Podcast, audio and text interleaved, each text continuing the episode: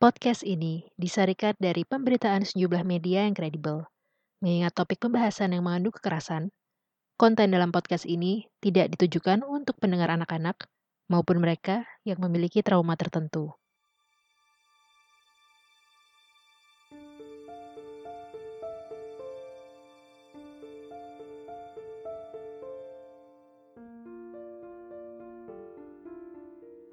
Di dunia ini ada banyak kata mutiara untuk menggambarkan kasih ibu yang tak ada habis-habisnya. Di Indonesia misalnya, ada ungkapan kasih ibu sepanjang masa, kasih anak sepanjang gala. Di Polandia juga ada kata-kata yang menyebutkan bahwa cinta yang terbesar itu pertama datangnya dari ibu, yang kedua dari anjing peliharaan, barulah yang ketiga dari kekasih hati. Sementara dalam bahasa Inggris, ada ungkapan yang kurang lebih bermakna bahwa Tuhan tidak bisa berada di semua tempat. Maka dari itulah ia menciptakan para ibu. Sedikit berlebihan memang ya. Semua kata-kata mutiara ini sekilas cocok untuk menggambarkan Claudine Blanchard. Ia adalah seorang wanita, single mother, yang biasa dikenal dengan panggilan lain Didi. Oleh warga Springfield, Missouri, Amerika Serikat, Didi dikenal sebagai sosok wanita yang tangguh terutama karena anak semata wayangnya yang bernama Gypsy Rose diketahui sakit-sakitan dan hanya bisa mengandalkan kursi roda. Tapi semua anggapan warga ini berubah 180 derajat setelah Didi ditemukan tewas dengan luka tusuk di rumahnya sendiri.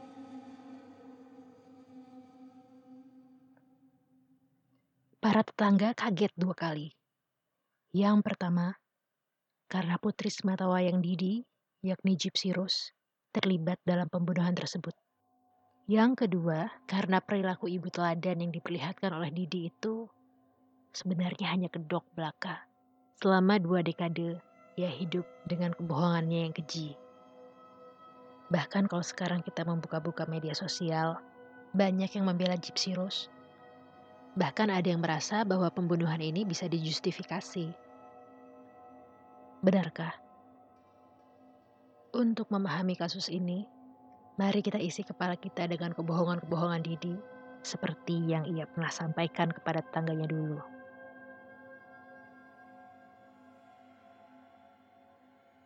Kalau digambarkan dalam buku atau film yang penuh dengan cerita klise, Didi itu tampak seperti wanita yang penuh dengan kebahagiaan dan baik hati. Bayangkan, ia adalah sesosok wanita berumur 48 tahun dan tubuhnya bisa dibilang cenderung ke arah gemuk. Dia biasa menggunakan baju warna cerah dan rambut keritingnya biasanya ia hias dengan pita. Dan rambut keritingnya biasanya ia hias dengan pita. Ditambah lagi, ia dikenal sebagai sosok yang ramah dan mudah bergaul.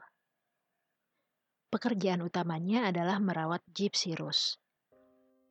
Gypsy adalah putri remaja semata wayangnya yang berkursi roda, berperawakan mungil dengan cara bicara dan perilakunya yang begitu polos dan kekanak-kanakan. Gypsy tampak makin inosen dengan kacamata yang terlihat kebesaran di wajahnya. Gypsy memang tidak memiliki rambut, ia senang berdandan dengan wig ala putri yang pirang, ikal. Ia juga senang memakai baju ala putri dongeng. Gypsy secara fisik terlihat pucat, kurus, dan giginya kelihatannya rapuh. Di perut Gypsy juga dipasangi saluran untuk memasukkan makanan ke perutnya. Bahkan kadang-kadang Didi menyiapkan tangki oksigen untuk Gypsy. Kata Didi juga, Gypsy memiliki pikiran seperti anak berumur tujuh tahun. Tak hanya itu, Didi juga punya sejarah panjang lebar tentang penyakit anaknya ini.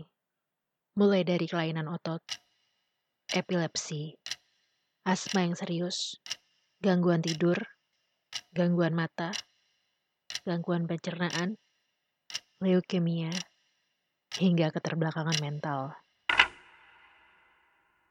Kata Didi, Sebagian penyakit gypsy ini adalah bawaan lahir dan lainnya muncul saat anaknya ini mulai balita.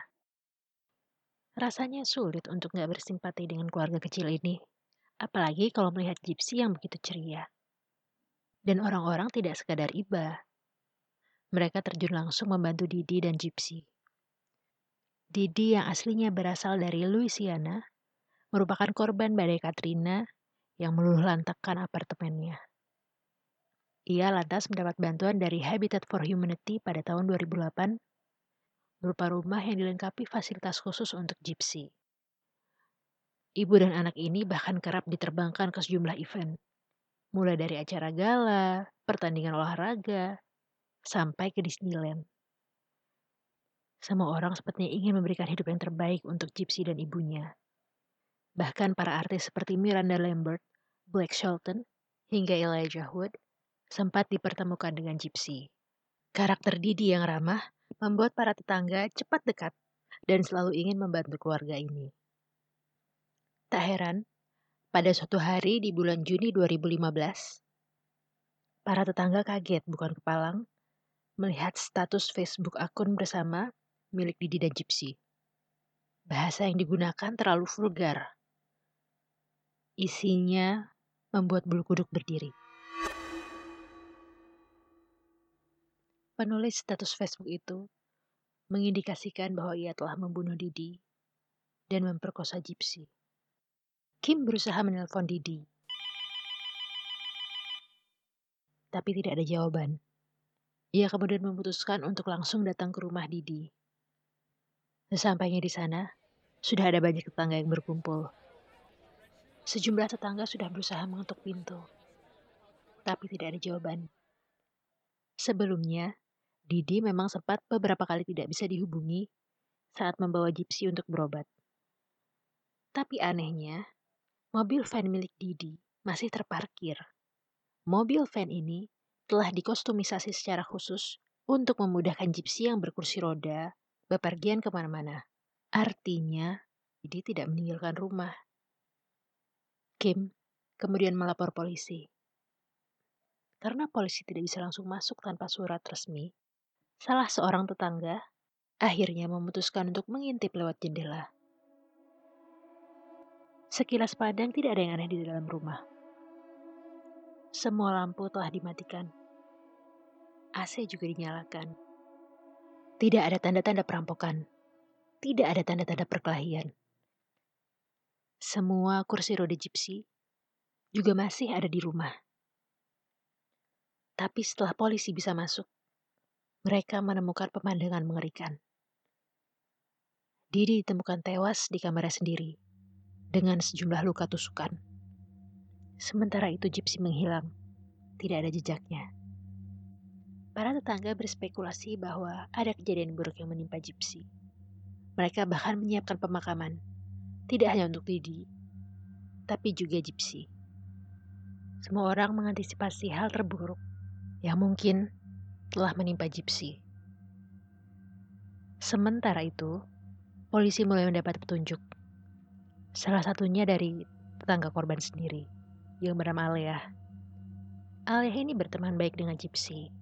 Ia bahkan menjadi salah satu tempat cerita dari Gypsy di luar keluarganya sendiri.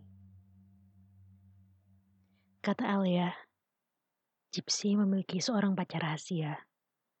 Dan hubungan keduanya berlangsung secara online. Dari sini, polisi mulai mempersempit ruang pengejaran. Dan ternyata tak sulit menyusuri cuilan petunjuk mengenai kekasih Gypsy. Jejak IP dari status Facebook tersebut menunjuk ke rumah kekasih Gypsy yang bernama Nick Goodjohn. Bahkan tak cuma jejak IP, sejumlah rekaman CCTV setelah peristiwa pembunuhan menunjukkan Nick berjalan-jalan bersama Gypsy dari stasiun bis sampai supermarket. Gypsy juga mengenakan wig untuk menutupi kepalanya yang tak berambut. 15 Juni 2015, polisi akhirnya menggelar konferensi pers, mengungkap bahwa mereka telah menemukan pelaku pembunuhan Didi. Dan tahukah kamu bagaimana polisi membuka konferensi pers ini? Pihak polisi mengatakan bahwa Segala sesuatu tak seperti yang sebelumnya terlihat. Salah satunya Gypsy yang ternyata bisa berdiri dan berjalan di atas dua kakinya sendiri. Bahkan Gypsy relatif sehat, baik fisik maupun mental. Para tetangga tentu saja kaget dan marah. Mereka merasa dibohongi. Apakah sepanjang hidupnya Didi membohongi mereka hanya untuk materi belaka? Banyak pihak yang menduga alasannya lebih dari itu. Apalagi Didi punya kebiasaan mengaku-ngaku bahwa Gypsy sedang sakit sejak anaknya itu baru lahir. Ayah Gypsy atau mantan suami Didi bahkan mengingat bahwa pada saat anaknya berumur tiga bulan, Didi pernah mengaku bahwa Gypsy terkena sleep apnea sehingga butuh alat khusus untuk memonitor pernafasannya. Saat Gypsy berumur 7 atau 8 tahun, ia pernah mengalami kecelakaan motor bersama kakeknya. Sang ibu mengatakan anaknya harus menggunakan kursi roda. Padahal Gypsy masih bisa berjalan. Lantas apa alasan Didi melakukan hal ini? Didi diduga menderita Munchausen syndrome by proxy. Apa itu? Munchausen syndrome adalah kondisi di mana seseorang berulang-ulang memalsukan kondisi kesehatannya. Ia mengaku tengah sakit padahal tidak. Hal ini diyakini karena mereka membutuhkan perhatian yang diberikan orang-orang lewat kondisi yang dipalsukannya tersebut. Sementara Munchausen syndrome by proxy, justru orang-orang yang menjaga pasien inilah yang memalsukan kondisi tersebut. Karena Didi meninggal sebelum ia sempat didiagnosis secara resmi oleh dokter jiwa, jadi hal ini masih sebatas asumsi. Lantas, seperti apa perlakuan Didi terhadap Gypsy? Jadi, hampir setiap malam Gypsy tidur dengan mesin pernafasan walaupun ia tidak membutuhkannya. Di perutnya juga dipasang saluran untuk mengalirkan sari-sari makanan secara langsung ke perut. Ya, ia harus menjalani operasi untuk memasang saluran ini. Rambut Gypsy terus-menerus digunduli. Alasan Didi, karena toh Gypsy sedang menjalani pengobatan leukemia yang membuat rambutnya rontok, jadi sekalian saja digundul. Gypsy juga menjalani sejumlah operasi, termasuk pengangkatan kelenjar saliva. Alasan Didi, anaknya ini terlalu banyak berliur alias ngeces. Gypsy saat itu tak pernah tahu apakah ia benar-benar menderita penyakit itu. Yang Gypsy tahu, ia sebenarnya masih bisa berjalan. Tapi bila tertangkap ibunya sedang berjalan di dalam rumah, ia langsung dipukul dengan hanger baju atau bahkan mendapat cercaan yang tidak pantas. Menurut Gypsy, Didi pernah mengatakan bahwa ia menyesal memiliki Gypsy dan berharap dulu mengaborsi kandungannya. Ia juga mengatakan bahwa Gypsy telah merusak hidupnya. Mengingat Didi begitu menyimpan rapat-rapat rahasia ini, tak heran bila Didi membatasi pertemanan Gypsy, termasuk dengan Alea. Misalnya saja saat Gypsy bertanya-tanya pada Alea seperti apa sih cowok itu? Bagaimana rasanya pacaran? Hal ini langsung dikat oleh Didi. Ia bersikeras bahwa Gypsy memiliki mental seperti anak-anak. Didi juga selalu menempel pada Gypsy. Bahkan para tetangga mengingat bahwa Didi hampir selalu menggenggam tangan Gypsy saat mereka berada di depan umum. Tapi belakangan para tetangga mulai bertanya-tanya, Jangan-jangan genggaman tangan Didi itu adalah belenggu untuk mengontrol Gypsy. Mungkin di benakmu sekarang muncul pertanyaan, bagaimana mungkin kebohongan Didi ini bisa lolos begitu saja dari pengamatan dokter yang memeriksa Gypsy? Sebenarnya banyak juga orang yang bingung dengan hal ini, termasuk polisi. Tapi yang jelas, di catatan medis Gypsy, semua gejala penyakit yang disebutkan dalam catatan ini berdasarkan keterangan Didi. Sebenarnya, ada seorang dokter bernama Bernardo Westerstein merasa ada yang janggal dengan kondisi Gypsy. Untuk anak yang memiliki kelumpuhan selama bertahun-tahun, seharusnya hampir tak ada otot yang bisa menopang kaki Gypsy. Tapi otot Gypsy, meskipun berukuran kecil, tetap terlihat normal. Dokter Bernardo ini bahkan sudah menduga bahwa Didi menderita Munchausen syndrome by proxy Tapi ia memutuskan untuk tidak melapor kepada social service. Ia hanya menuliskan dalam bentuk dokumentasi belaka. Mungkin ada yang bertanya-tanya kenapa Gypsy tidak berontak dengan perlakuan ibunya. Jawabannya pernah. Gypsy pernah kabur dari rumah. Sayangnya ia gagal, tak berhasil pergi terlalu jauh. Dan sebagai ganjarannya, Didi lalu mengikat putrinya ini selama dua minggu di tempat tidur dan merusak laptop Gypsy dengan menggunakan palu.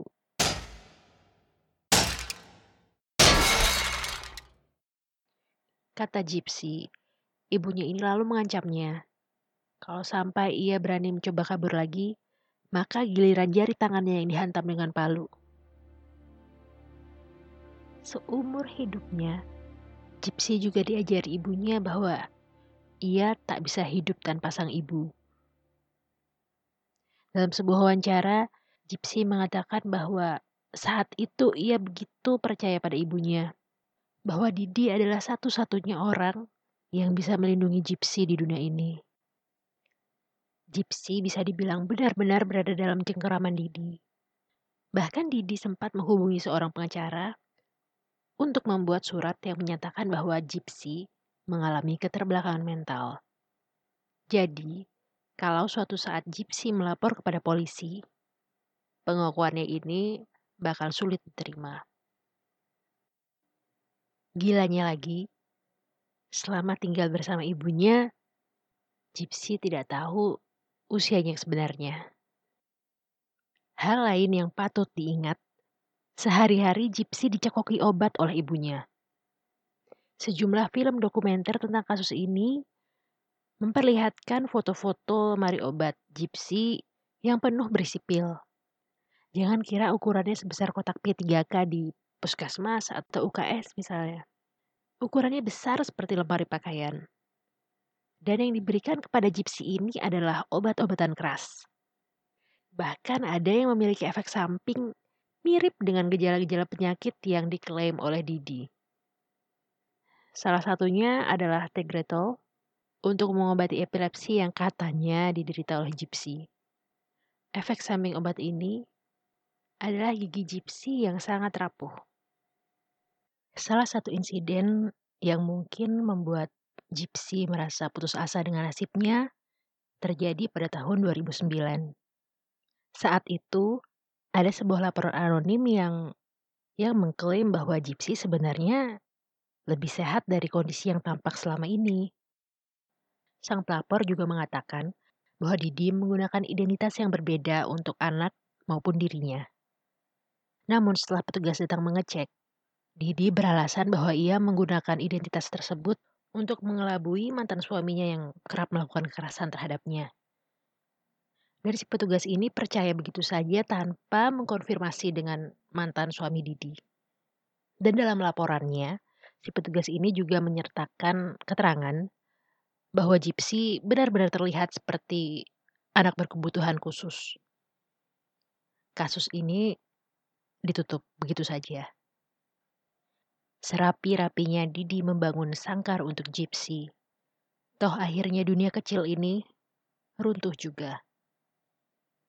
Pemicunya dari dalam diri Gypsy sendiri.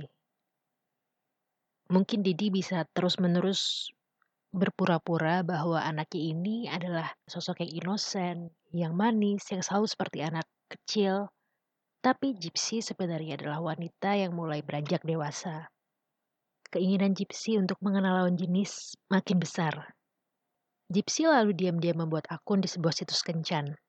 Kala itu ia berusia 21 tahun. Dari sini, ia bertemu dengan seorang lelaki yang ia anggap sebagai sebagai seorang Prince Charming, Nick Goodjohn. Gypsy awalnya mengaku malu dengan kondisinya yang sakit dan berkursi roda. Tapi Nick tertarik karena menurutnya Gypsy memiliki hati yang suci. Sekedar informasi, Nick pernah berurusan dengan masalah hukum. Tahun 2013, ia sempat diculik polisi gara-gara dilaporkan menonton porno selama 9 jam di restoran cepat saji McDonald. Tak hanya itu, ada saksi yang melaporkan bahwa ia juga melakukan masturbasi. Mm -hmm, di depan umum. Saat itu Nick sempat mengelak dan mengaku hanya sedang menggaruk dirinya sendiri. Tapi polisi tidak percaya. Bahkan polisi juga menemukan sebilah pisau yang tengah disembunyikan oleh Nick.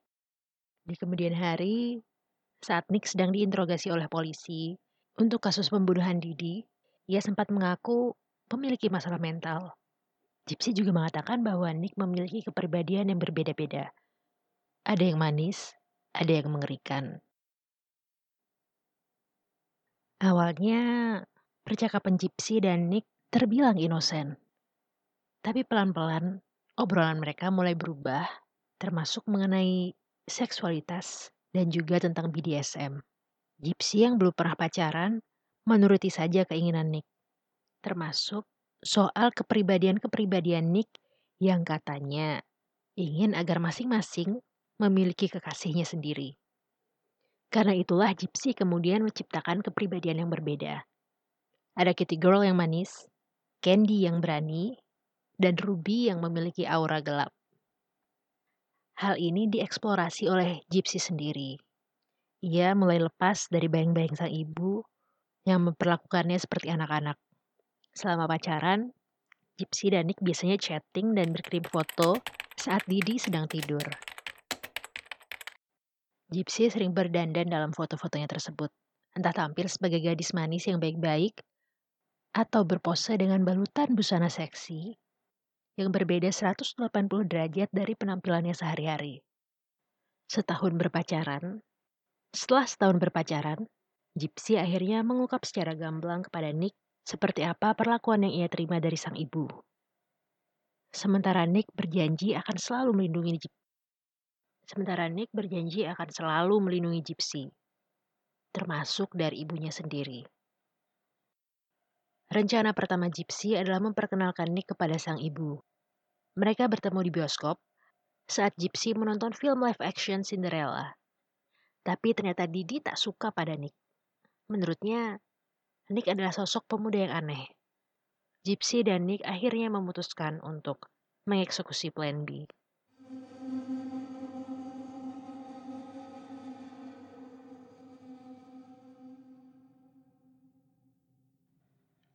Gypsy memberikan petunjuk kepada Nick cara untuk masuk ke rumahnya secara aman. Selain itu, ia juga memberikan sarung tangan, lakban, dan juga pisau. Pada satu malam di bulan Juni 2015, Gypsy bersikap seolah tidak ada apa-apa. Saat itu, Gypsy dan Didi saling mewarnai kuku mereka dengan kuteks. Karena keduanya baru saja bertengkar, sebelum pergi tidur, Didi kemudian memberikan satu pesan untuk sang anak. Ironisnya, kalimat yang diucapkan Didi itu adalah, Jangan sakiti aku. Ini adalah kalimat terakhir yang diucapkan Didi kepada Gypsy.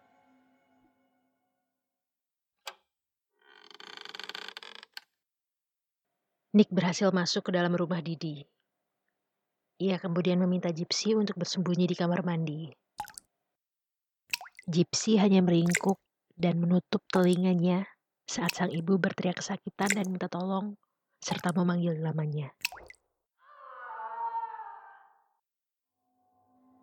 Gilanya lagi, Nick dan Gypsy sempat melakukan hubungan intim di kamar Gypsy yang berada di sebelah kamar Didi. Gypsy mengaku hal ini terpaksa ia lakukan untuk mencegah Nick memperkosa jenazah sang ibu.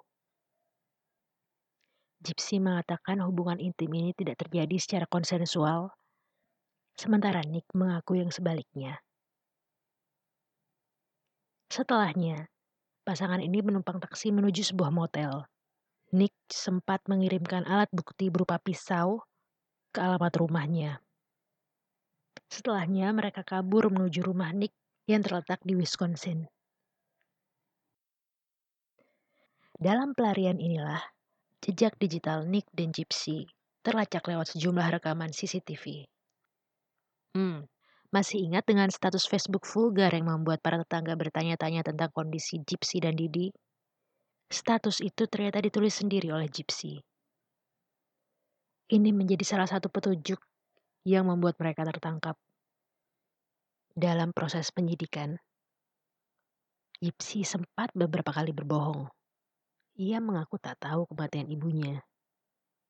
Ia juga mengatakan tak punya andil dalam peristiwa ini. Tetapi bukti yang dikumpulkan polisi terlalu kuat. Kematian Didi Blanchard dinyatakan sebagai pembunuhan tingkat satu, yakni pembunuhan yang dilakukan secara sengaja dan terencana. Di negara bagian Missouri, Amerika Serikat, pembunuhan tingkat pertama sebenarnya bisa diganjar dengan hukuman mati atau seumur hidup. Namun jaksa memutuskan bahwa mereka tidak akan mengejar hukuman maksimal ini karena menurut mereka kasus ini di luar kewajaran.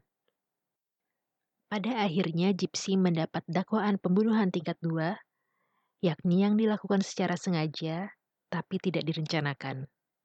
Ia difonis 10 tahun penjara. Sementara Nick yang melakukan eksekusi pembunuhan dihukum seumur hidup. Lantas, seperti apa hubungan Nick dan Gypsy sekarang? Hubungan keduanya sudah putus. Gypsy bahkan sempat bertunangan dengan pria lain, walaupun hubungan ini akhirnya putus nyambung juga. Sementara itu, tempat peristirahatan terakhir Didi bisa dibilang sangat mengenaskan. Abu kremasi Didi yang diserahkan kepada orang tuanya akhirnya dibuang. Di flush begitu saja ke dalam toilet. Pihak keluarga Didi yang memang tidak begitu dekat dengannya menganggap ini adalah hal yang layak ia dapatkan. Sementara itu, kisah hidup Didi dan Gypsy akhirnya diangkat ke sejumlah film dokumenter dan juga serial drama. Gypsy juga beberapa kali muncul dalam wawancara televisi. Dalam sebuah wawancara TV, Gypsy ditanya apakah ia lega telah membunuh ibunya sendiri. Apa jawaban Gypsy? Tidak. Aku lega karena bisa keluar dari situasi itu. Ibuku tidak pantas meninggal, tapi ia sepantasnya berada di tempatku sekarang, yaitu di penjara. Gypsy juga mengatakan bahwa seumur hidupnya Sang ibu telah mengajarkannya cara berbohong tanpa merasa bersalah. Gypsy bertekad untuk berubah. Ia tak mau menjadi seperti ibunya.